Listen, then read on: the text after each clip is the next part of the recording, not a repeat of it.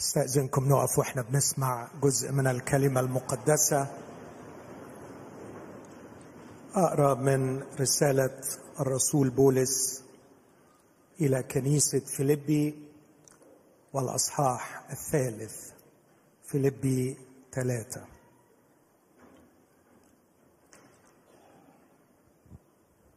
أخيرا يا إخوتي افرحوا في الرب. كتابة هذه الأمور إليكم ليست علي ثقيلة وأما لكم فهي مؤمنة. انظروا الكلاب انظروا فعلة الشر انظروا القطع. لأننا نحن الختان الذين نعبد الله بالروح ونفتخر في المسيح يسوع ولا نتكل على الجسد. مع أن لي أن أتكل على الجسد أيضا إن ظن واحد آخر أن يتكل على الجسد فأنا بالأولى. من جهة الختان مختون في اليوم الثامن من جنس إسرائيل من سبط بنيامين عبراني من العبرانيين. من جهة الناموس فريسي من جهة الغير مضطهد الكنيسة من جهة البر الذي في الناموس بلا لوم. لكن لكن ما كان لي ربحا. فهذا قد حسبته من أجل المسيح خسارة. بل اني أحسب كل شيء أيضا خسارة من أجل فضل معرفة المسيح يسوع ربي. الذي من اجله خسرت كل الأشياء وأنا أحسبها نفاية لكي أربح المسيح وأوجد فيه وليس لي بر الذي من الناموس بل الذي بإيمان المسيح البر الذي من الله بالإيمان.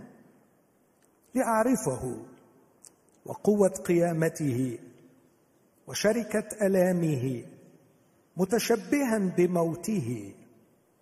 لعلي أبلغ إلى قيامة الأموات. ليس أني قد نلت أو صرت كاملا ولكني أسعى لعلي أدرك الذي لأجله أدركني أيضا المسيح يسوع. أيها الإخوة أنا لست أحسب نفسي أني قد أدركت ولكني أفعل شيئا واحدا إذ أنا أنسى ما هو وراء وأمتد إلى ما هو قدام. أسعى نحو الغرض لأجل جعاله دعوة الله العليا في المسيح يسوع. فليفتكر هذا جميع الكاملين منا وإن افتكرتم شيئا بخلافه فالله سيعلن لكم هذا أيضا.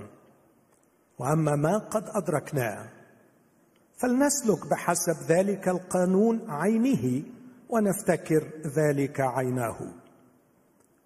كونوا متمثلين بي معا أيها الإخوة ولاحظوا الذين يسيرون هكذا كما نحن عندكم قدوة. لأن كثيرين يسيرون ممن كنت أذكرهم لكم مرارا والآن أذكرهم أيضا باكيا وهم أعداء صليب المسيح. الذين نهايتهم الهلاك الذين إلههم بطنهم ومجدهم في خزيهم الذين يفتكرون في الأرضيات فإن سيرتنا نحن هي في السماوات. التي منها أيضا ننتظر مخلصا هو الرب يسوع المسيح الذي سيغير شكل جسد تواضعنا ليكون على صورة جسد مجده بحسب عمل استطاعته أن يخضع لنفسه كل شيء. آمين. هذه هي كلمة الرب. تفضل.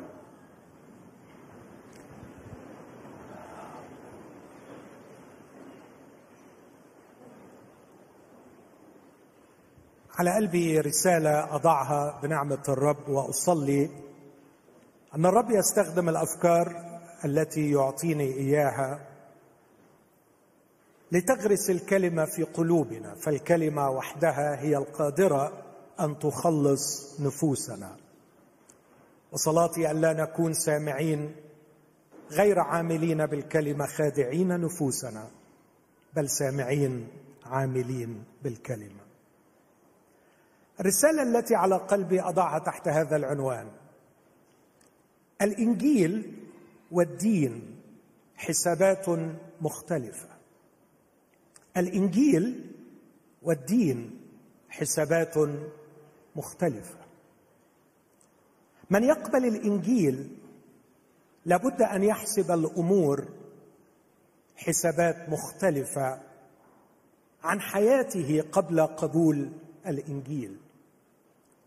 وبلا شك أن الدين أو التدين له حساباته الخاصة والتي سيوضحها الرسول في هذه الرسالة. لكن عشان أقدر أوصل الرسالة اللي على قلبي الدين والإنجيل أو الإنجيل والدين وحسابات مختلفة حابب أقول إنه الرسالة تكرر فيها تسع مرات كلمة الإنجيل وتكرر فيها ربما أكثر رسالة ست مرات كلمة الحساب. فبولس في هذه الرسالة يحسب بل والمسيح يحسب ويطلب من كل المؤمنين أيضا أن يحسبوا. لكن يقينا الحسابات المنطلقة الحسابات الخارجة من عقل ومن قلب. قبل الإنجيل تختلف كليه عن الحسابات الخارجة من شخص توقف عند حد التدين أو حد الدين. علشان يكون كلامي واضح أعتقد إني في احتياج أن أعرف ما هو الإنجيل وما هو الدين في سياق هذه الرسالة. لن أعرف بشكل مطلق لكن في إطار رسالة فيليبي. فهشرح بسرعة شديدة ما هو السياق ثم كلمه عن ما هو الإنجيل وكلمه عن ما هو الدين في هذه الرسالة. ثم في الجزء الثاني من العظه أحاول أن أوضح كيف أن الإنجيل خلق حسابات مختلفة من جهة البشر ومن جهة الوجود. ما هي القرينة التي قدم فيها الرسول هذه الرسالة؟ الرسول بولس في رحلته الثانية تقريبا سنة خمسين ميلادية.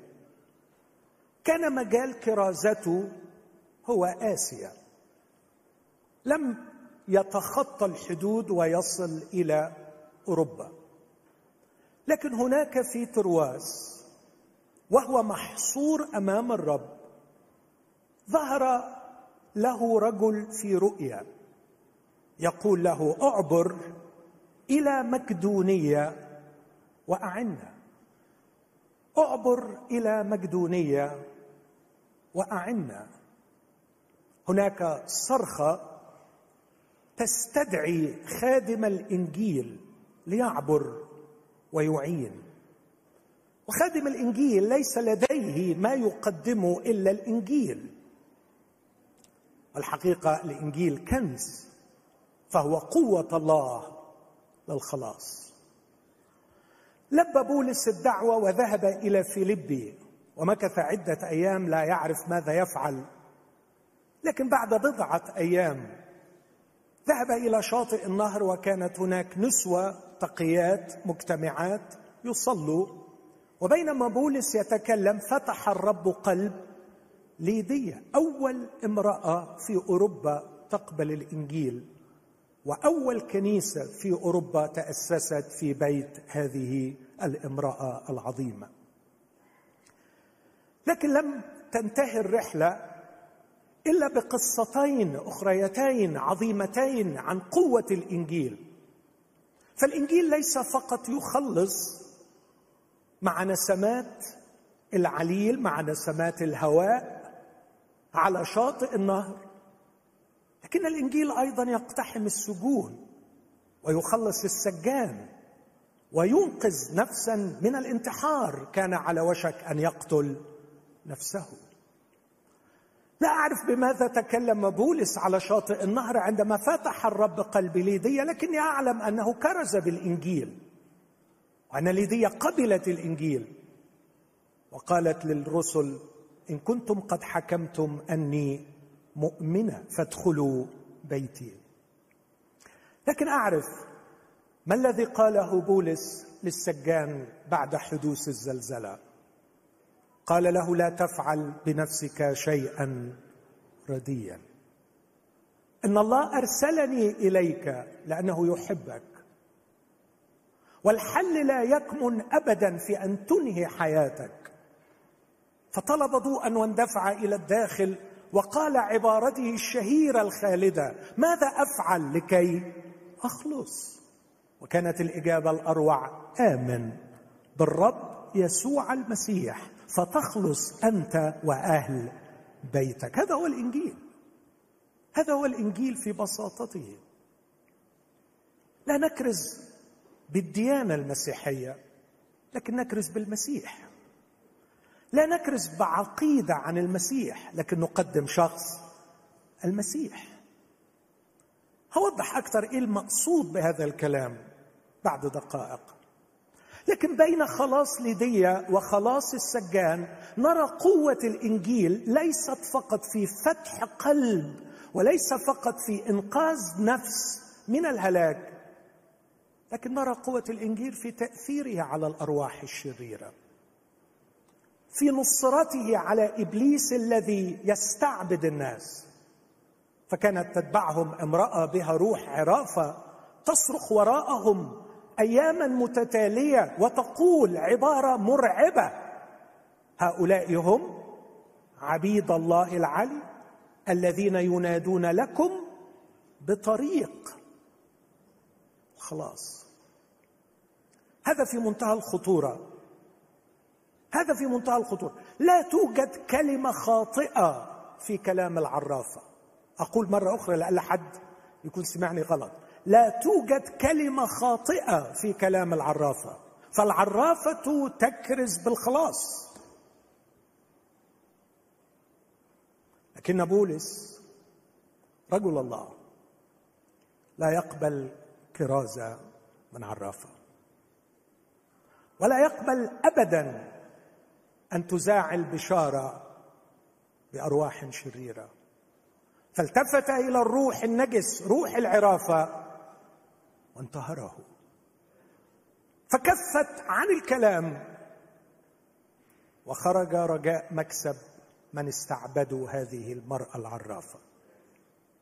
ودفع بولس الثمن وكان الثمن الما واضطهادا وعنفا.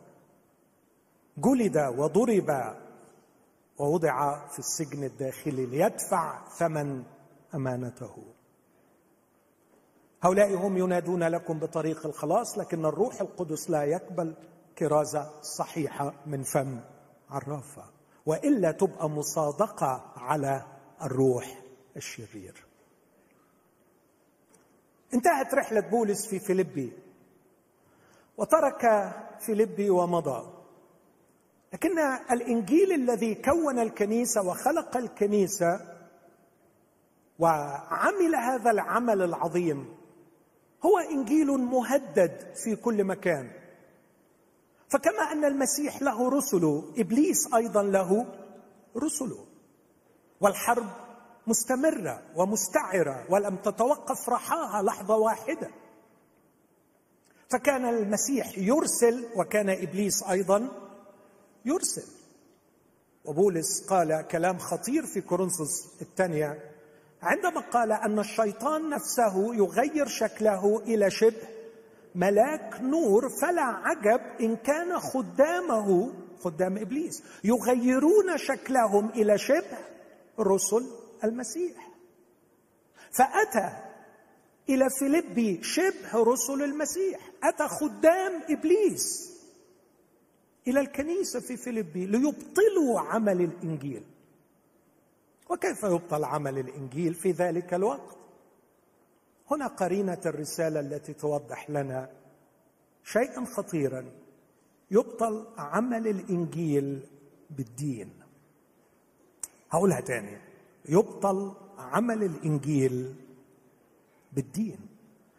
ما هو الدين الذي كرز به هؤلاء الخدام هؤلاء المعلمين الكذبه الذين أتوا إلى فيلبي والذين الحقيقة بولس لم يتورع عن أن يصفهم بعبارات قاسية إذ حذر منهم في مستهل هذا الأصحاح وهو يقول انظروا الكلاب انظروا فعلة الشر انظروا القطع انظروا يعني تحذروا واتش خلي بالكم خلي بالكم خلي بالكم. كانوا بيعملوا إيه الناس دول؟ أتوا إلى فيليبي هم من أصل يهودي خارجين من أورشليم لقيوا إن في ناس كثيره بتقبل الإنجيل قال لك فرصة لنشر اليهودية. فدخلوا إلى الكنائس وابتدأوا يقولوا للأمم الذين قبلوا الإنجيل زي ليديا وزي السجان رائع أنكم فعلتم هذا لكن يعوزكم شيء في غاية الأهمية. أن تتهودوا أن تختتنوا أن تحفظوا فرائض الناموس. علشان غرض مزدوج. من جانبهم يعودوا إلى بلادهم بفخر لقد هودوا أكبر عدد من الأمم. ورب يسوع كان قال لهم في حياته على الأرض أنتم تجوبون البر والبحر لكي تكسبوا دخيلا واحدا عايزين دخيل لليهودية. فجمع دخلاء لليهودية كان امرا محبوبا ومرغوبا عند الفريسيين. فبقت الأمور سهلة قوي بعد ما الأمم انتقلوا من الوثنية إلى المسيحية. سهل إنهم يضيفوا إلى مسيحيتهم شيء من التهود واليهودية. لكن لماذا كانت تجد دعوتهم للتهود قبولا عند المؤمنين. لأنه الحقيقة في الوقت ده كانت هناك رخصة حرية دينية تعطى من الإمبراطورية الرومانية فقط لليهود. كان اليهودي لا يمكن يقبل أن يقول قيصر رب. والدولة الرومانية بذكاء أعطتهم هذه الحرية. وبالتالي هؤلاء الأمم الذين قبلوا المسيح ويتعرضوا للاضطهاد المرعب لحد الموت من الإمبراطورية الرومانية. من الممكن إذا تهودوا يؤمنوا أنفسهم من الاضطهاد لمجرد أنهم يختتنوا. فعندما يقول أنا يهودي يحمل العلامة في جسده على أنه يهودي فيعفى من القول قيصر رب. كانت تسمى religio licita أو religion license رخصة دينية لعدم الاعتراف بقيصر كرب لم تكن تعطى إلا لليهود. إذا هناك إغراء للمسيحي أن يتهود لأنه سينجو من الاضطهاد. وصلوا إلى هناك وهودوا البعض. الحقيقة كان نجاحهم في فيليبي نجاح محدود بالمقارنة مع نجاحهم في كنيسة حد يفتكر؟ غلطيا لدرجة أنه في غلطيا الرسول كتب الرسالة وهو منزعج بشدة وبيقول يوجد قوم يزعجونكم يحولون إنجيل المسيح. حولوا الإنجيل. ما زال الإنجيل تحت الخطر خطر التحويل. بل يقول لهم أراكم تنتقلون عن الإنجيل إلى إنجيل آخر؟ وليس هو آخر لا يوجد إنجيل آخر. ثم يؤكد ويقول إن بشرناكم نحن أو ملاك من السماء بغير ما بشرناكم به فليكن أناثيما ليكن محروما أو ملعونا. نجحوا في غلطيا نجاح شديد حتى أن الرسول قال لهم أيها الغلطيون الأغبياء. نجحوا في كورنثوس إلى حد ما نجحوا جزئيا أيضا في فيليبي وهنا تختلف لهجة الرسالة وعندما نطالع هذه الرسائل أحب إن إحنا نضع ده في اعتبارنا عشان نقدر نفهم محتويات الكلام. في فيليبي وصلوا وابتدأوا يهودوا. بولس يكتب الرسالة بهذا الصدد. كتبها إمتى وليه؟ كانوا الإخوة عرفوا أنه مسجون في روما فبعثوا له هدية مع أبفرودتس وده أخ منهم. حمل أبفرودتس الهدية إليهم إلى بولس في السجن وهو في الطريق مرض وقرب من الموت ووصل إلى بولس مريض لكن بولس صلى من أجله كثيرا ولم يصنع معجزة لشفائه لكن الرب رحمه استجابة للصلاة وشفى أبو فرودوتس وهو راجع لإخواته في فيليبي. كتب بولس هذه الرسالة شاكرا محبتهم ومحذرا إياهم من خطر خلط الدين بالإنجيل. كرر في الأصحاح الأول فقط ست مرات كلمة الإنجيل. كررها مرتين بعد هذا في أصحاح اثنين ثم أصحاح أربعة مرة تسع مرات يتكلم عن الإنجيل. هذه هي القرينة.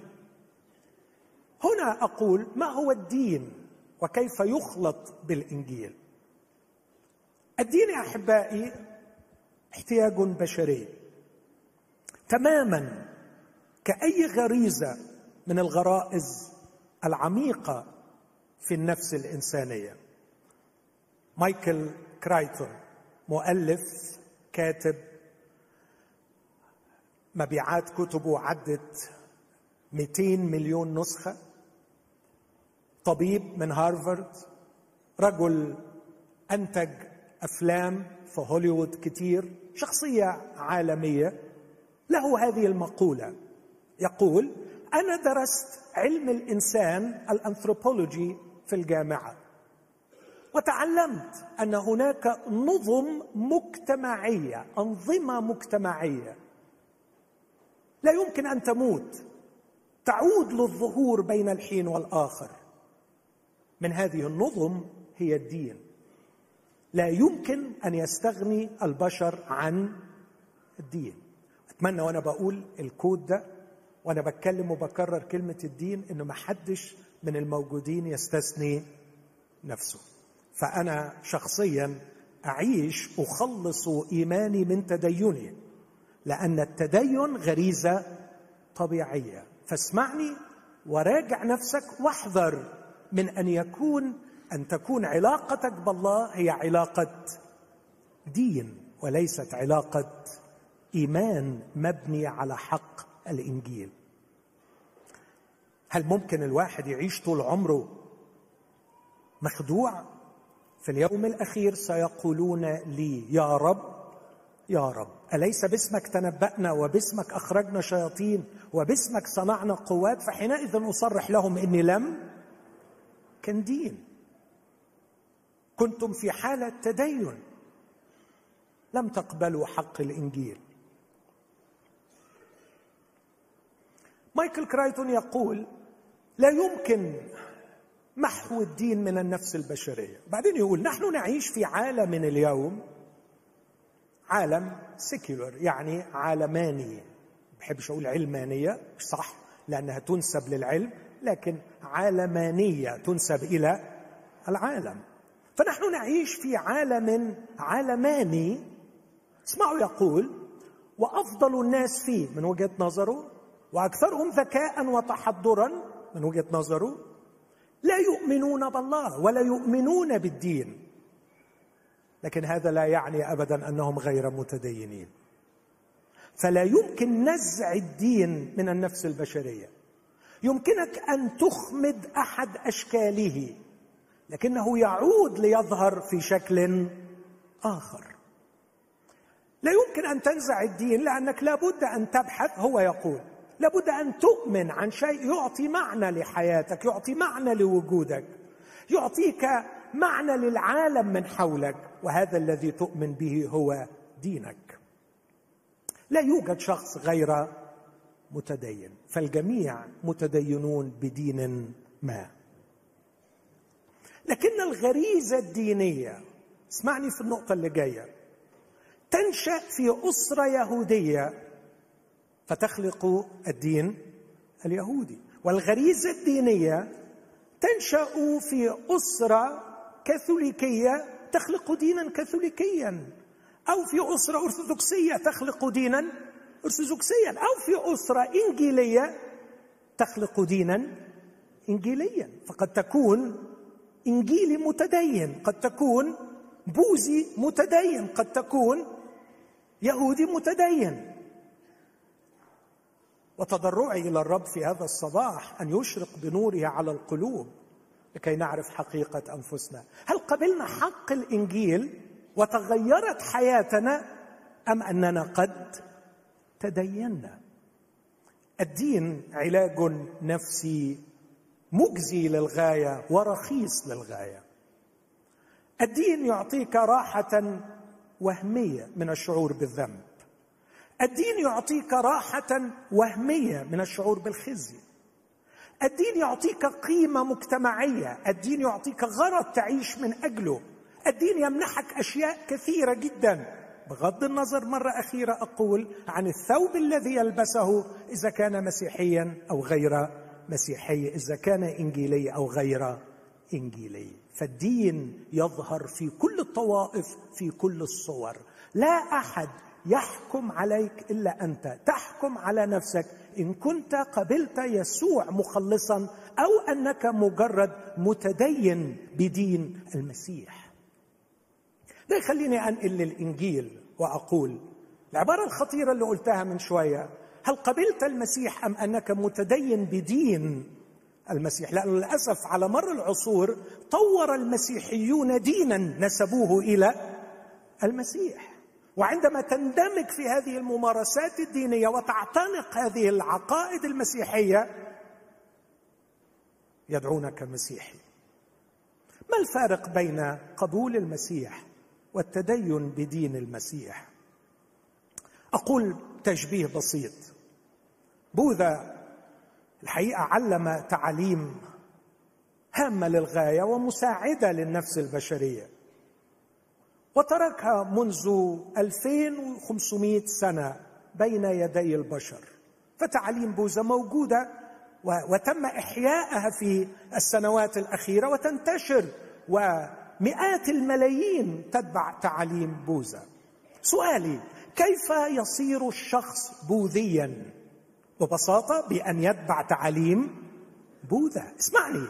ولا يحتاج إلى بوذا لكي يصير بوذيا. لكنك لا تستطيع قط أن تصير مسيحيا بتعاليم المسيح. البوذي لا يحتاج إلى بوذا لكي يصير بوذيا. لكن المسيح يحتاج للمسيح لكي يصير مسيحيا. وأقول يا أحبائي أنه حتى لو احتاج إلى بوذا فلا أي أمل لتحقيق رغبته لأن بوذا قد مات لكن المسيح حي.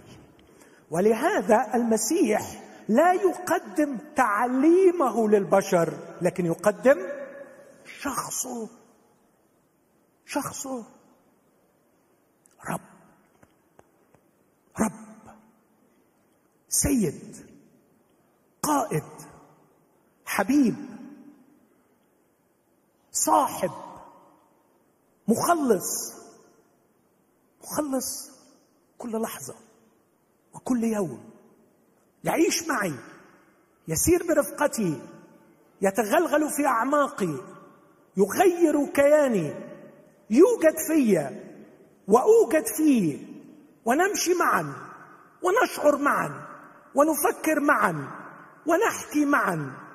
هو رأسي هو كبيري هو سيدي هو نقطتي المرجعية هو رجائي هو مستقبلي هو حياتي هو مقري هو سكني. المسيح بالنسبة لي ليس عقيدة أتبعها لكنه شخص يعيش فيا وأعيش فيه. وإذا لم يكن اختبارك إذا لم يكن اختبارك أن المسيح يعيش فيك وأنت تعيش فيه أرجوك أرجوك. ارحم نفسك وراجع نفسك وقف أمام الحقيقة. هل أنت مسيحي أم متدين بدين المسيح؟ آه يا إخوتي لم تؤذي المسيحية الإمبراطورية الرومانية. لم تؤذي المسيحية وحوش الرومان التي أطلقوها على المسيحيين. لم تؤذي المسيحية اليهودية. لم يؤذي الإسلام المسيحية. ما أذى المسيحية هم المسيحيون المتدينون بدين المسيح. دون أن يقبلوا المسيح مخلصا شخصيا لهم. لم تعاني الكنيسة قط على مر العصور كما عانت من الهرطقات ومن المدعين ومن الأنبياء الكذبة. لا نجد في رسائل العهد الجديد تحذيرات من الوحوش تحذيرات من الاضطهاد اطلاقا بل تشجيع على تحمل الاضطهاد فكانت دماء الشهداء بثار الكنيسة. لكن عندنا التحذير وراء التحذير نص العهد الجديد تحذيرات من الأنبياء الكذبة. الذين دخلوا خلسة ليحولوا الإنجيل إلى الدعارة. ويحولوا الإنجيل إلى دين ويحولوا الاختبار الشخصي. الاختبار الشخصي لما أقول الاختبار الشخصي اسمحوا لي أقول الخبرة المكونة للكيان الروحي مش مشاعر مش انفعال. اختبار خبرة فينومينولوجية. سامحوني أستعمل التعبير الفلسفي علشان الشباب يفهمني لكن أيضا ببساطة خبرة خالقة. لكيان جديد في داخلك بحيث لا يمكن أن تكون بعدها نفس الشخص الذي كان قبلها. هذا هو الإنجيل. ليس قبول تعليم المسيح لكن انفتاح القلب لقبول شخص المسيح. البوذية من غير بوذا بوذية المسيحية بدون المسيح ما هياش مسيحية؟ احشي دماغك بكل التعاليم النقية عن المسيح. هذا لا يجعلك مسيحيا. مارس مائدة الرب واخدم ورنم واعمل كل الخدمات المسيحية. هذا لا يجعلك مسيحيا. ما يجعلك مسيحيا أن الروح القدس يوصل حياة المسيح إلى أعماقك. فتصبح من الداخل مسيحيا. من الداخل مسيحيا. حتى أن بولس يقول مع المسيح صلبت احيا لا أنا بل المسيح يحيا فيا. بولس يكتب للمؤمنين في روميا إن كان روح الله فيكم فالمسيح فيكم المسيح فيكم ألمس المسيح فيك. تفكري كما يفكر المسيح وتتصرف كما يتصرف المسيح. اسمعوني أحبائي هذا ليس مستوى عالي. سنصل إليه في المستقبل. هذا بداية الاختبار المسيحي. ان تحيا لا أنت بل المسيح يحيا فيا. تعرف الفكرة دي؟ الفكرة دي إنه ده اختبار إن شاء الله أخلاقي. هنتطور ونوصل له في النهاية. هو الذي فتح الباب لكل أشكال الدعارة في كنيسة الله ولكل أشكال الخطايا. إنه إن شاء الله إن شاء الله كل حاجة هتتصلح وهنبقى شبه المسيح. أوه. كلا. ضحكوا عليك اللي قالوا لك كده. الحياة المسيحية ليست حياة معصومة من الخطأ. فالجسد ما زال يشتهي ضد الروح. لكن الصراع المسيحي كل يوم. أنسى ما هو وراء. أمتد إلى ما هو قدام. أسعى نحو الغرض. لأجل جعالة دعوة الله العليا في المسيح. ما هي جعالة الدعوة؟ أن يتصور المسيح فيا أن أتغير إلى تلك الصورة. عينها أن يعيش المسيح حياته فيا أن يرى في أولادي وزوجتي وعائلتي المسيح في بيتي. قديس توما الإكويني له عبارة شهيرة يقول لقد اختزل الروح القدس ألفين سنة من التاريخ البشري. فعندما جاء الروح القدس في يوم الخمسين لغى ألفين سنة لغى ألاف السنين. هو قال ساعتها ألف ومئة سنة. أنا بقول تصحيح دلوقتي لأني بقتبسها دلوقتي ألفين سنة. لأنه عندما نزل الروح القدس نزل لكي يجعل حياة المسيح التي ظهرت على الأرض تستمر في الكنيسة. فكأن يسوع ما فرقش العالم ستنالون قوة. امكثوا في أورشليم إلى أن يأتي الموعد. ما هو هذا الموعد؟ الموعد اللي يخلي يسوع عايش في الدنيا. الموعد اللي يخلي المسيح ما سابش العالم. الموعد اللي يخلي الله مرئي ومعروف تماما. يوحنا واحد. الله لم يره أحد قط. الابن الوحيد الذي في حضن الأب هو. خبر الكنيسة تعمل نفس الكلام في يوحنا الأولى أربعة. الله لم ينظره أحد قط. إن أحب بعضنا بعضا فيثبت الله فينا يحل فينا ويمكث بيننا ويرى من العالم كما رؤي في يسوع. عندي كلام كثير عن الإنجيل لكن أكتفي خاتما وأقول الإنجيل ليس خبر نتناقله. ليس خبر نتناقله لكنه قوة تغيرنا. الرسول يقول لست أستحي بإنجيل المسيح مش لأنه أحلى خبر في الدنيا لكن لأنه قوة الله للخلاص. لكل من يؤمن. الإنجيل يخلصك مش يبسطك. الإنجيل مش خبر مفرح يبسطك. الإنجيل قوة الله اللي تخلصك. وسؤالي أنت قبلت خبر يفرحك ولا قبلت قوة تخلصك؟ يتهيألي لو في أي أمانة مع النفس أقدر أراجع نفسي وأقول هو أنا قبلت خبر فرحني وبسطني ولا قبلت قوة خلصتني. it's easy لو انت أمين مع نفسك سهل تجاوب على السؤال ده. وعلشان أسهلها عليك أكتر ما تفكرش في زمان فكر في دلوقتي. هل هذه القوة تعيش معك؟ تخلصك من أنانيتك من شهواتك من ذاتك من كبريائك من جهلك من حكمك الخاطئ على الأمور من البريجوديس والحكم المسبق على الناس. هل هل الإنجيل قوة مغيرة كل يوم؟ كل يوم كل يوم تختبر قوة الإنجيل المغيره ولا هو خبر حلو سمعناه. لسنا صحافيين ننقل للناس أخبارا سارة عن عمل تم منذ ألفي عام لكننا رسالة مقروءة ومعروفة من جميع الناس. إننا ندعو الناس لا أن يسمعوا الإنجيل بل أن يروا الإنجيل ويقرأوه في حياتنا عندما نعيش أمامهم كسفر مفتوح. هذا هو الإنجيل الخامس. الإنجيل الخامس المسيح الحي يعيش وتكتب قصته وتقرأ قصته. ليس كما سجلها متى أو لوقا أو مرقس أو يوحنا لكن كما يعيشها المسيحيون الحقيقيون. في دوائر العمل وفي أسرهم وفي شوارعهم. يقرأ الإنجيل يعرف الإنجيل يشم الإنجيل يسمع الإنجيل.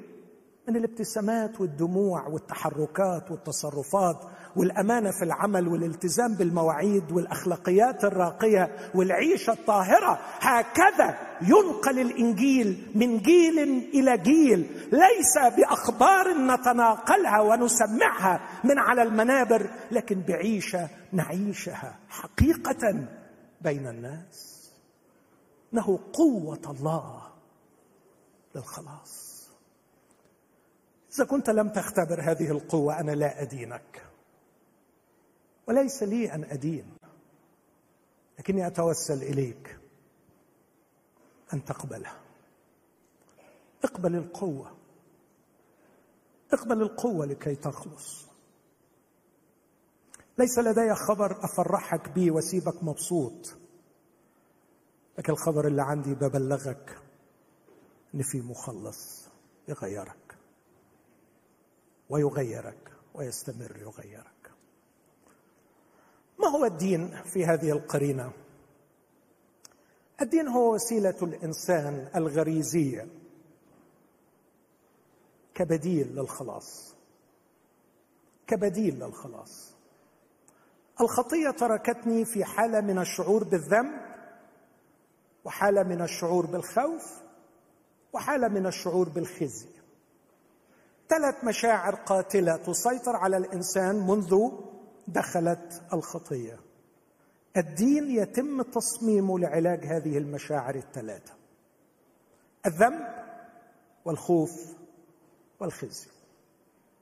وإذا سألتني أيهما أخطر أقول الثلاثة تأثيرهم مدمر على النفس الإنسانية والدين يعني نوع من السيلف ثيرابي الناس بتعالج نفسها بيه وكل واحد عنده دينه وكل واحد بيتدين.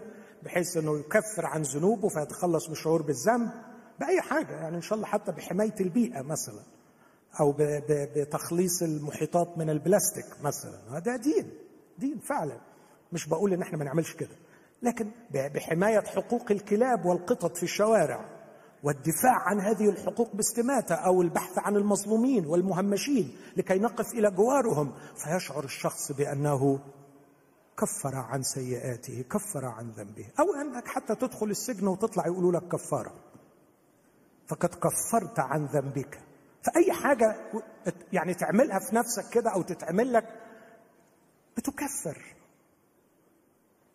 يا لسهولة خداع الإنسان.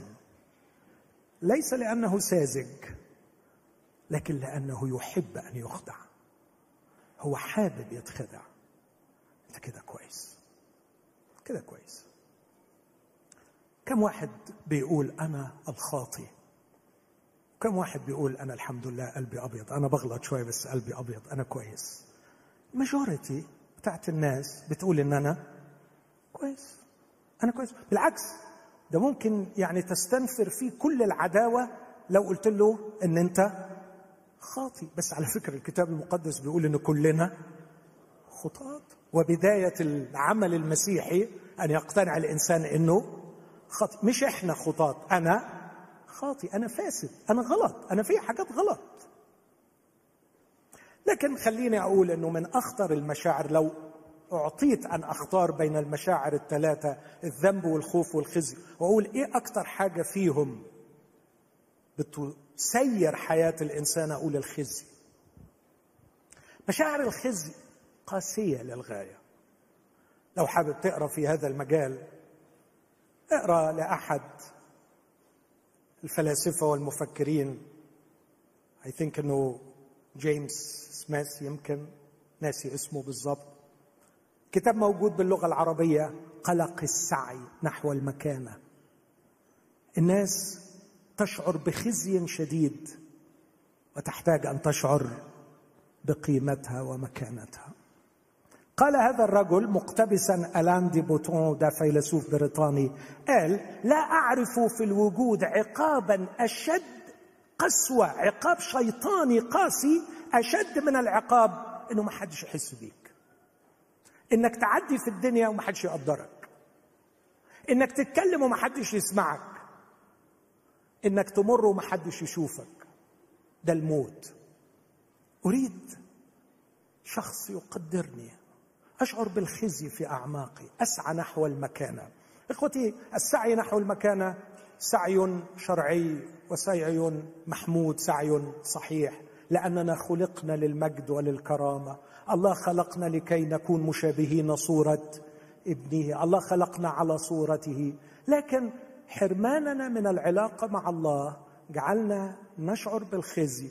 الدين يبرز لكي ما يقدم علاجا وهميا من خلال هذه المنظومة التي أشار إليها بولس. بولس في فيليب ثلاثة قال لو في حد عايز يفتخر بالجسد ويتكل على الجسد فأنا بالأولى. وكأنه بيقول للناس المتدينين هم اليهود المهودين جولكم يا إخوة فيليبي وعلموكم تعملوا شوية حاجات تضاف للإنجيل وقالوا لكم إن ده صح على فكرة. لو في حد في الدنيا ممكن يفتخر بتدينه فالحد ده هو أنا. أنا جربت ده أنا جربت ده. خلوني أحكي لكم حكايتي. وهنا يأتي أصحاح ثلاثة. خلوني أحكي لكم حكايتي. أنا كنت هكذا. وقال سبع حاجات. فكر معايا في السبع حاجات دول. أنا مختون في اليوم الثامن. تميز ديني. تميز. تميز تميز. كلمة تميز أو تمييز يعني أنا أعلى من الباقي. فاكرين بطرس؟ الإخوة خصموه لأنه دخل وأكل مع أناس ذوي غلف. أنا مختون أنا رجل مختون في اليوم الثاني. التمييز الديني إحنا الدين الأفضل. إحنا شعب الله المختار. إحنا بتوع ربنا. طب والباقيين؟ لا ده مش بتوع ربنا بتوع مين يعني؟ بتوع, أي حد. إحنا بس بتوع ربنا. الدين exclusive ربنا لينا exclusive طب وباقي خلق الله؟ المليارات دي يغوروا في داهية ملناش دعوة بيهم. هم مش بتوع ربنا إحنا بتوع ربنا. مختون في اليوم الثامن التميز الديني. لكن كمان من جنس إسرائيل التميز العرقي. لكن كمان من سبط بنيامين التميز القبلي. عبراني من العبرانيين. في بعض اليهود اللي من السبط بنيامين وجنس إسرائيل لكن للأسف تأثروا بالثقافة الهلينيه وكانوا بيسموهم الهلينستيك جوز دول الناس اللي اللي اللي اليهود اللي يعني تغربنوا بلغتنا أو تثقفوا بثقافة. لكن أنا عبراني من العبرانيين. التميز الثقافي. ده كل ده عن الديانات الأخرى. وجوه الدين نفسه تلاقي فيه تميز جوه الدين تلاقي الشخص بيحاول يسعى لشيء يتميز به داخل الدين نفسه عن بقية الطوائف اللي جوه الدين. طبعا ما الشهوة للتميز لما تتفتح بعيد عنك بعيد عنك إن شاء الله ربنا يجعل الشر ده بره وبعيد فعلا إنه ما يبقاش عندنا هذه الشهوة للتميز. لما تتفتح مش هتكتفي على إن باقي الأديان وحشة والناس كلها وحشة وأنا اللي صح. لكن جوه نفس الدين تبدأ الطوائف تتنافس وتتنافس وكل طائفة تقول إحنا الأفضل. يا ويوصف الثاني بأي أوصاف بقى ويعمل اللي هو عايزه لمجرد إنه يبان ان هو الأفضل. فجوه الدين اليهودي بعد الأربع تميزات الرهيبة دي إن أنا عندي تميز ديني عندي تميز عرقي عندي تميز قبلي أنا مش من أي سبط أنا من سبط بنيامين اللي الرب ساكن فيه. وكمان أنا عندي تميز ثقافي فأنا محتفظ بثقافتي العبرانية. لكن جوه الدين من جهة الناموس فريسي أنا مش أي حد أنا مش صدوقي أنا مش هيرودوسي لكن أنا فريسي وقف مرة استعملها غلط لما قال أنا فريسي ابن فريسي واو. أول ما قال كده كلهم انفضوا وطلعوه من المحكمة. استعمل ذكائه ساعتها بس دفع الثمن بعديها علقة محترمة. لما استعمل الوسيلة البشرية. لكن مش بس جوه الدين في تميز بسبب الفريسية اللي هو المعرفة الفكرية والعقلية والأفضلية المعرفية لكن من جهة الغير مضطهد. كنيسة أنا راجل عندي حماس غير بقية الناس أنا راجل غيور على ديني أتقدم في ديانتي على باقي أطرابي من جنسي. وآخر شيء تميز أخلاقي. من جهة البر الذي في الناموس أنا بلا لوم. كل ده بولس بيقول لما عينيا اتفتحت وقبلت الإنجيل حسبتوها زبالة. زبالة. وكلمة زبالة هنا بيقال يعني بعض اللي بيفهموا في اللغة الزبالة اللي ما ينفعش يتعمل لها ريسايكلينج زبالة الزبالة. كفحت وتعبت عشان أتميز على بقية الأديان وأتميز جوة الدين. وفي الآخر اكتشفت إن كل المجد اللي عملته لما سطع علي نور المسيح رايته زبالة. زبالة. لكن ما كان لي ربحا. فهذا قد ده الربح. ربح التميز. ربح علاج الشعور بالخزي. أنا وأنا وأنا. هذا الربح عندما ارتبطت بالمسيح. وجدت أن العلاقة الحقيقية مع الله لا تحتاج إلى كل هذا التميز. وجدت أني استنزفت ونزفت كثيرا في أمور لا طائل من ورائي. تعبت لكي أميز نفسي عن غيري في كل مجال. واكتشفت في النهاية أنها نفاية. المسيح عندما دخل حياتي جعلني أخسر كل هذه الأشياء. لاحظ لما بيقول الذي من اجله خسرت كل الأشياء مش بيقول أنا ضحيت. مش ضحيت دي حاجات ما بتضحاش بيها. خسرتها يعني اي لوست أنا فقدتها. ما عادش ما عادش عايزها لأنه الحقيقة يعني ربنا كرمني بحد ساعدني أطلع الزبالة من بيتي. كان وجودها في البيت عامل عفن عامل قرف في البيت. الذي من اجله خسرت كل الأشياء. السبع امتيازات وأنا أحسبها نفايه علشان إيه؟ عشان الإنجيل. لكي؟ حد فاكر؟ أربح المسيح واعمل إيه؟ وأوجد وأوجد فيه. هختم النقطة دي وإني أقول حاجة في غاية الأهمية. فارق شاسع بين الدين والإنجيل.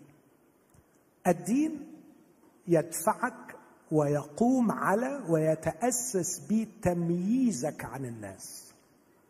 الإنجيل يجعلك تموت من أجل الناس تحتضن الناس تحب الناس تخدم الناس. الإنجيل يؤسس إنسانيته على نوع إنسانية من أجل الآخر. الدين يقوم على قاعدة أساسية هي التعالي على الآخر. وعلى قدر ما تتقدم في دينك على قدر ما تستطيع أن تتعالى على الآخر. هو ده هو ده الغرض النهائي. إحنا الحمد لله مش زي بقية الناس. الحمد لله. كل الطوائف كل الطوائف. كلنا فينا هذه البذرة. نفعل أشياء تمنحنا هذا التميز. منين جات الحكاية دي؟ أول حسابين في رسالة فيليبي لاحظوا معايا الكلام ده مش أحسبها نفاية وأحسب الامتيازات الدينية نفاية لكن أول حسابين كانوا حسابين آخرين في فيليب اثنين الحساب الأول المسيح حسبه لم يحسب خلسه أن يكون معادلا بالمناسبة كلمة حساب هي تفكير مقصود. أو تفكير قصدي على العكس من الأفكار التلقائية. الأفكار التلقائية بتجيلك لكن الأفكار المقصودة أنت اللي بتعمل إيه؟ آه بتقصد. فلما بقول أحسب يعني هفكر بالطريقة دي. المسيح بشكل مقصود لم يحسب خلسة أن يكون معادلا لله لكنه عمل إيه؟ أخلى نفسه. أخلى نفسه. أول حساب قام عليه الإنجيل هو حساب النزول وليس الارتفاع والتعالي. أخلى نفسه اخذا صورة عبد صائرا في ليه؟ لأنه بيحب الإنسان. صائرا في شبه الناس. وإذ وجد في الهيئة. أنتم متخيلين؟ في المسيحية الله الله يريد أن يكون إنسان. في الدين الإنسان يريد أن يكون إله. عايز يتأله عايز يسيطر. تقول لي لا لا لا إزاي؟ أنا بخضع لربنا. طب معلش نكملها التركة دي علشان دي تركة خادعة شوية. أنت بتخضع لربنا عشان تستعمل ربنا يحقق لك كل اللي أنت عايزه. فمين ربنا في اللعبة دي؟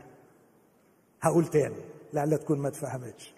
عشان كده بقول أنا أقدر الملحد عن المتدين. الملحد لا يؤمن بوجود الله المتدين يستعمل الله. أيهما أسوأ؟ المتدين طبعا. المتدين اكتشف أنه توجد قوة عظمى في الكون اسمها الله. لو أنا وقفت جنبه هيقف جنبي ولما يقف جنبي يعمل لي كل اللي أنا عايزه. اقف جنبه عشان يقف جنبك فيعمل لك كل اللي أنت عايزه. فيبقى في الآخر مين الخدام ومين الله؟ مش عارفين برضه تجاوبوا أنا. هو بيخدمني. هو بيخدمني بس أنا بدفع الثمن بصلي له بصوم له بدفع العشور بروح الكنيسة بعمل فروض بمارس كل اللي عليا. لكي أحرك هذه القوة لحسابي. فانا الله. الحكاية حكايتي أنا. قصة قصتي المشروع مشروعي. وأريد أن أستقطبه داخل قصتي. لينجز لي أحلامي. ويسرع لي في هوايا ويحقق لي رغباتي ويعمل كل ما اريده مش هو ربنا؟ يبقى يقدر على كل حاجة وما دام هو ربنا اللي يقدر على كل حاجة يعمل لي اللي أنا عايزه. وأوعى تصلي الصلوة الشيطانية لتكن مشيئتك. أوعى تصلي دي عبارة مقتبسة من أحد الوعاظ. هذه صلاة شيطانية أن تقول لتكن مشيئتك بس مش هقول اسمه علشان ما زعلش ناس قاعدة. بس على فكرة ما أعرفش إذا ما كانش واخد باله إن اللي قال لتكن مشيئتك هو يسوع المسيح. أخلى نفسه يريد أن يكون إنسان. ليه؟ لأنه بيحب الإنسان. ومشروعه في الإنجيل استعادة إنسانية الإنسان. عايز يرجع الإنسان يبقى إنسان. الدين التعالي على الإنسان. والحقيقة في التعالي والتميز عن الإنسان هو إهدار لإنسانيتك لأنك على فكرة لن تصل لتكون الله ولن تبقى إنسان. طب بتبقى إيه؟ بتبقى حاجة كده الله اللي يعلم بيها يعني. حاجة وحشة في الآخر حقيقي حاجة وحشة. لا انت الله ولا انت إنسان. طب يعني إيه إنسان؟ يعني يسوع المسيح. يعني إيه إنسان؟ يعني يسوع المسيح الذي نفسه تعرف لما قال لهم الكلام ده قاله لهم بصدد إيه؟ لا شيئا بتحزب أو بعجب بل حاسبين بعضكم البعض أفضل من أنفسهم. طب أجيبها إزاي؟ فليكن فيكم الفكر الذي في يسوع المسيح. الذي إذ كان في صورة الله لم يحسب خلصة خدتوا بالكم جات إزاي؟ طب حلوة الآية دي. فليكن فيكم الفكر. يلا كده مغناطيس يلقط لنا فكر يسوع ويغرسه في دماغنا. لا ما تجيش كده. ما تجيش كده. طب أنا عايز فكر المسيح. لو عايز فكر المسيح فليكن مش عندكم. فليكن فيكم هذا الفكر. لابد أن المسيح نفسه يكون فيك. ما ينفعش تاخد فكر المسيح لكن ينفع المسيح يفكر فيك. المسيح لما يبقى فيك يفكر بطريقته فيك فيدعوك للنزول لرفع الآخرين. اسمعني مش لاستغلال الآخرين مش لاستغلال الآخرين. مرات حتى الخدمة بتاعتنا للناس بتكون من قبيل استغلال الناس. تقول إزاي بس؟ يعني أنت ممكن تكون بتستغلنا آه ممكن أكون بستغلكم. وانتوا لما تقعدوا معايا قدامي كده وأنا اقعد اوعظ ما أنا بعمل دماغ. دي دراسة علمية. بتقول إن الوعظ بيجيب دوبامين ويخلي الواحد مبسوط. أنا أشهد أمام الله إني مش جاي علشان أعمل دوبامين ولا أعمل دماغ. لعل حد يفهمني غلط. فعلا. أقول الصدق أمام الله أنا جاي عشان أخدمكم. وما عنديش غرض غير أخدمكم. بس على فكرة من الممكن إن حتى الخدمة تكون استغلال للناس أكبر مجال للمرياسة والسلطة والتسلط على الناس وقيادة الناس والتحكم في خلق الله والتسيد على الناس الخدمه الإنجيل لا يجعلني أتعالى ولا أستغل لكن يجعلني أخدم الناس. لأنه حبيبي وسيدي ما عملش حاجة في الدنيا غير إنه كان بيخدم الناس بيحب الناس بيدور على الناس بيلمس الناس. كان بيشوف في السامرية إنسان وشاف في زكا إنسان وشاف في المفلوج إنسان وشاف في الفقير إنسان وشاف في الغني إنسان. نظر إليه واحبه وشاف في اللي عايشه في الخطية والنجاسة إنسان. وشاف في الفريسي أيضا إنسان كان يدخل بيت العشار لأنه إنسان ويدخل بيت الفريسي لأنه إنسان. يسوع أحب الإنسان وعاش من أجل الإنسان ومات من أجل الإنسان وأرسل الروح القدس لكي يستعيد الإنسان. هذا هو الإنجيل. أما خلق التميز والتعالي على الناس واستغلال الناس هذا هو التدين. أختم وأقول أن الفرق بين الإنجيل والدين ليس فقط في الموقف من جهة البشر لكن في الموقف من جهة الوجود. وألخص الفكرة دي بثلاث كلمات. الدين يعيشك في وجود مش عارف اسميه وجود يعيشك في حالة هلاك يعيشك في واقع ماضي ملوش مستقبل. ماضي ملوش مستقبل وحاضر ملوش وجود ومستقبل غير مضمون. كل واحدة عايزة شرح هقولهم تاني.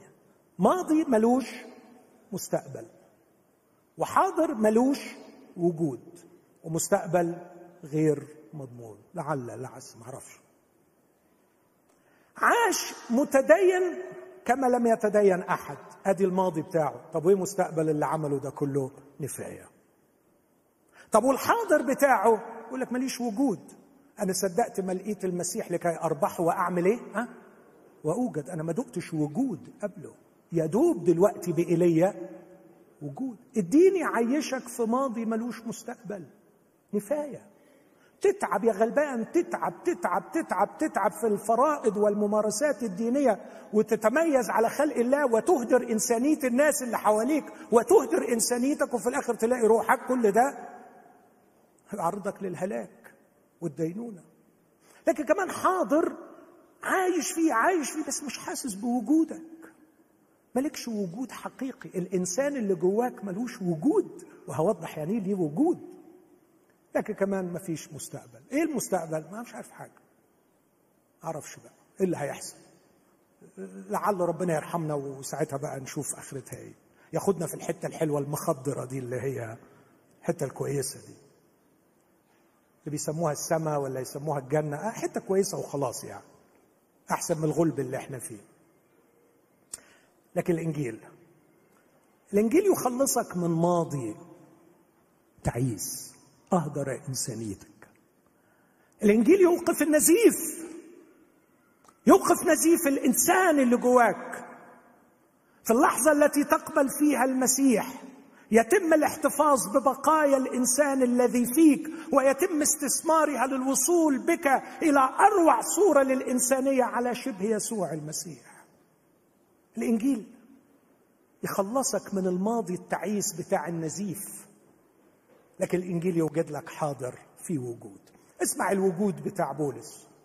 يقول أنا من يوم ما عرفته متشعلق فيه وعايز أعرفه وقوة قيامته وشركة ألامه متشبها بموته أنا لست أحسب نفسي أني قد نلت. أنا لسه لكني أفعل شيئا واحدا أنسى ما هو وراء أمتد إلى ما هو قدام أسعى نحو. الغرض لأجل جعالة دعوة الله العليا في المسيح يسوع. دفق فيا الحياة. بقيت بعرفه. معرفة هنا مش معرفة عقلية معرفة الشخصية. التحمت بيه. فابتديت أحبه. وابتديت أحب. ابتديت أعرفه. وأعرف بيه. بدأت أعرف كل حاجة لما عرفته. هو ليس فقط المادة التي أعرفها لكن هو العقل الذي به أعرف. هو ليس فقط ما أراه لكن هو العين التي بها أرى. أنا من ساعة ما عرفته عرفت روحي وعرفت الناس وعرفت الدنيا بدأت أعرف إيه الصح والغلط اللي يتعمل واللي ما يتعملش. عرفته. وعايز أعرفه. وما بحسبش نفسي إني وصلت لكن هعيش طول عمري اعرفه ولما هعرفه هعيش زيه. اسمعني في اللي جاية دي. ولما هعيش زيه هيخليني أعيش مش من أجل نفسي لكن يخليني أعيش من أجل ناس. ما هو عمل كده هو عاش من أجل إن لم يرضي نفسه عاش من أجل الآخرين.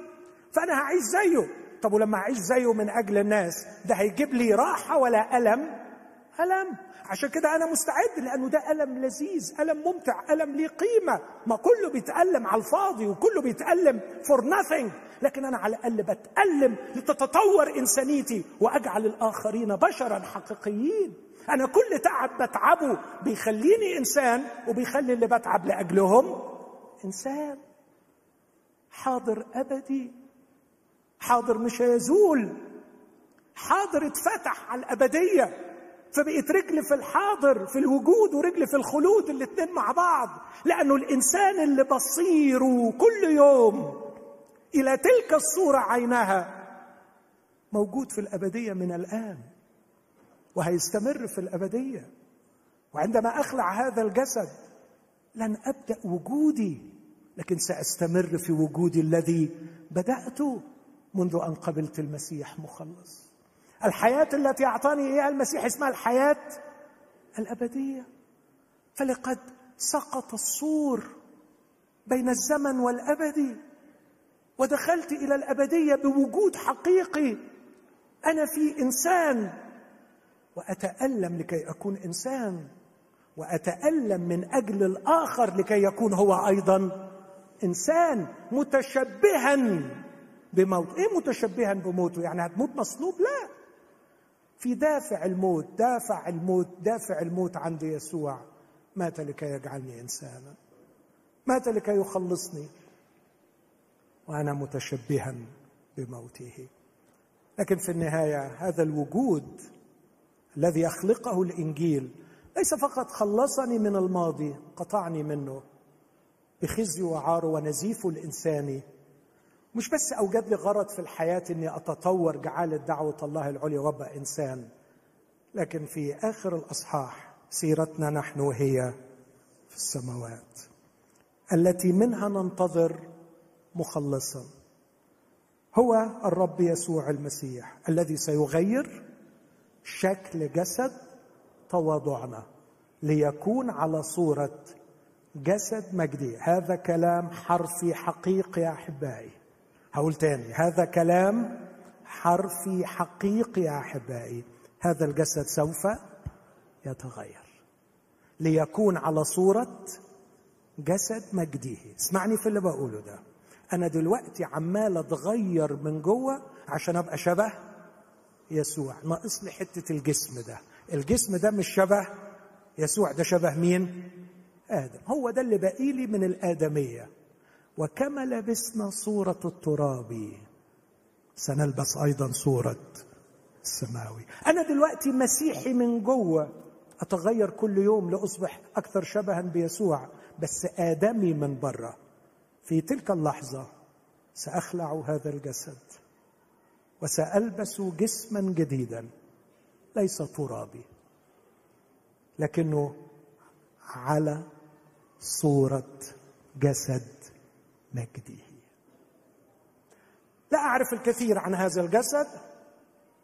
أعرف عنه أربع صفات. يزرع جسما نفسانيا.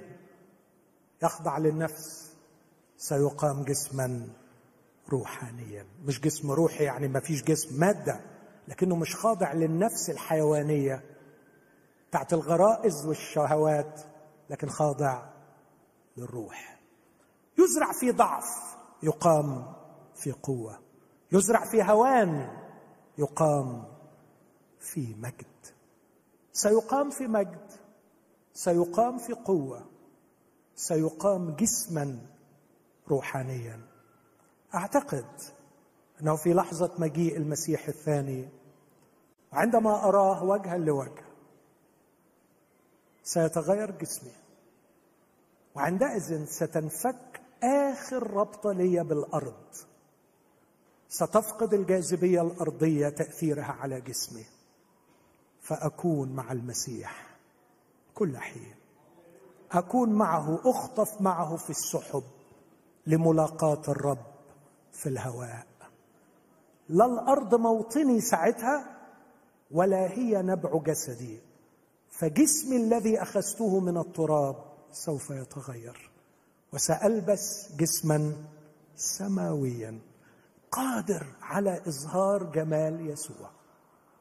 جمال يسوع الداخلي سيجد تعبيرا بديعا في الجسم الروحاني في الجسم الجديد في الجسم السماوي في الجسم المجيد الذي سألبسه عندما أرى يسوع وجها لوجه. كم أحن لهذه اللحظة؟ كم أشتاق إليها؟ سيرتنا هي موطننا هو السماء. والآن نعد لملاقاه العريس. نعد بالتغيير. نعد بالتطور الإنساني. أصير يوما وراء يوم مشابها المسيح. يا اولادي الذين أتمخض بكم إلى أن يتصور المسيح فيكم. من يوم ليوم دي رحلة الحياة. فيها وجع فيها ظلم فيها فقر فيها فساد فيها رياء فيها كل حاجة وحشة. بس تعرف هو ده المكان اللي اختاره ربنا ليا اللي فيه يعرف يغيرني لأكون مشابه للمسيح. فهذا أفضل مكان بالنسبة لي. ده أفضل مكان بالنسبة لي. هقول تاني يمكن الفكرة دي مش واضحة. تسألني يا ماهر هو ده أفضل مكان ليك؟ أقول لك أفضل مكان لإيه؟ للراحة؟ ما فيهوش راحة. أفضل مكان لإيه؟ علشان يعني تبقى كده سعيد؟ لا مش ده المكان اللي يجيب سعادة لكن ده أفضل مكان. في أتغير إلى تلك الصورة عينها اذا هو أفضل مكان بشكل مطلق لأنه يعطيني الفرصة أن أكون شبه يسوع. ومش هيستمر على طول الغلب ده لكن في لحظة مجيء المسيح سأكون مثله لأنني سأراه كما هو. كم واحد عنده اليقين إنه هيشوف الرب يسوع وهيقابله وجها لوجه؟ وسأكون معه إلى أبد الآبدين. آتي أيضا وأخذكم إلي وحيث أكون أنا تكونون أنتم أيضا. وهناك معه أكون شبهه. من الداخل ومن الخارج. شخصيتي حتة منه وجسمي شبهه. ويسكن في وأسكن فيه إلى أبد الأبدين. أقول لأيامي اركبي اعلى مفخيلك وهاتي مصاعبك فأنت لست إلا فرصة مؤقتة زمانا يسيرا. فيه أتطور ابويا السماوي اختارها بعناية شديدة. وحطني في الظروف دي بعناية شديدة. هو شايف إن دي أنسب ظروف ليا تساعدني للتطور والتحول والتغير لأكون مشابها لمحبوبي. أرجو أن نحني قلوبنا ورؤوسنا في الصلاة. وناخد دقيقة واحدة في الصلاة. إذا كنت لسه ما قبلتش المسيح إذا كان اللي في ذهنك عقائد عن المسيح إذا كان اللي في ذهنك تعليم عن المسيح فقط أنت تحتاج ليسوع المخلص. أرجو من أخي الأسيس سامح تفضل ويقودنا في الصلاة.